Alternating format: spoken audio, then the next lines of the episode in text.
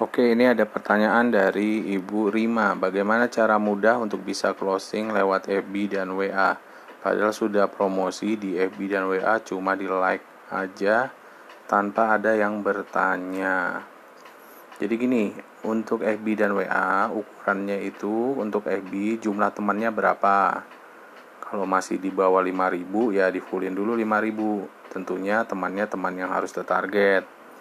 Ya teman target. Kalau WA ukuran WA respon atau tidak itu jadi jumlah kontak juga pengaruh yang saling simpan. Terus jumlah sebaran promonya ke berapa orang. Kalau nyebarnya cuman ke 10 atau 100 orang itu belum maksimal. Karena ukuran di WA itu biasanya sebuah promosi itu indikatornya kalau bisa tersebar ke 1000 sampai 5000 orang.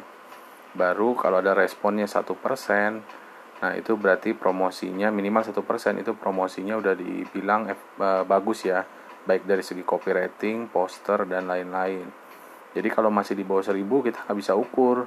Jadi tugas kita sekarang gimana e, cara mudah untuk bisa closing di FB dan WA ya perbanyak teman, kontak itu mau nggak mau salah satunya itu.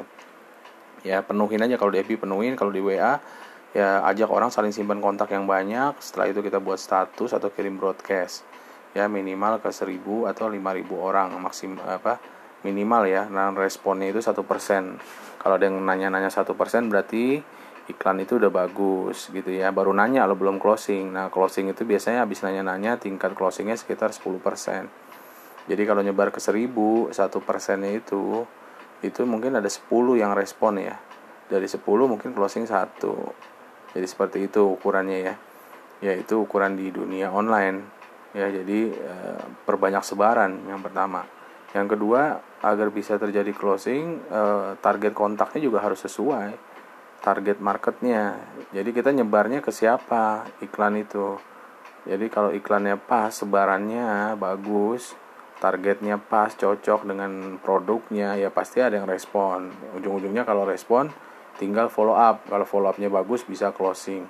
Dan yang ketiga adalah konten dari penawarannya. Kalau penawarannya nggak menarik, nggak membuat orang action, ya berarti penawarannya kurang powerful. Biasanya penawaran itu harus ada eh, sebuah promosi itu harus ada penawaran. Penawaran itu misalnya beli satu gratis satu. Hari ini kamu mau nawarin saya apa? Misalnya diskon, promo, ya seperti itu. Ya, jadi tiga hal ya untuk ukuran efektivitas dari sebuah akun sosmed FB atau WA. Yang pertama adalah jumlah sebaran, yang kedua adalah target market, yang ketiga adalah konten dari penawarannya. Oke. Okay?